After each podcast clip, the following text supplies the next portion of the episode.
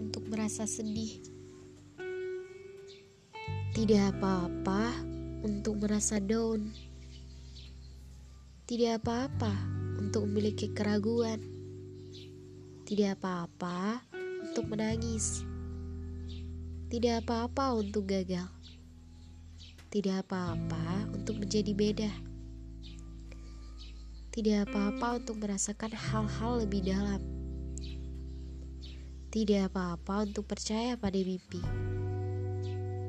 Tidak apa-apa untuk memilih diri sendiri terlebih dahulu. Ambil waktumu. Tak perlu merasa bersalah dan malu dengan air matamu. Tidak apa-apa. Tapi cepatlah kembali. Jangan biarkan satu orang membuat cahayamu redup. Kembalilah bersinar. Dunia membutuhkanmu.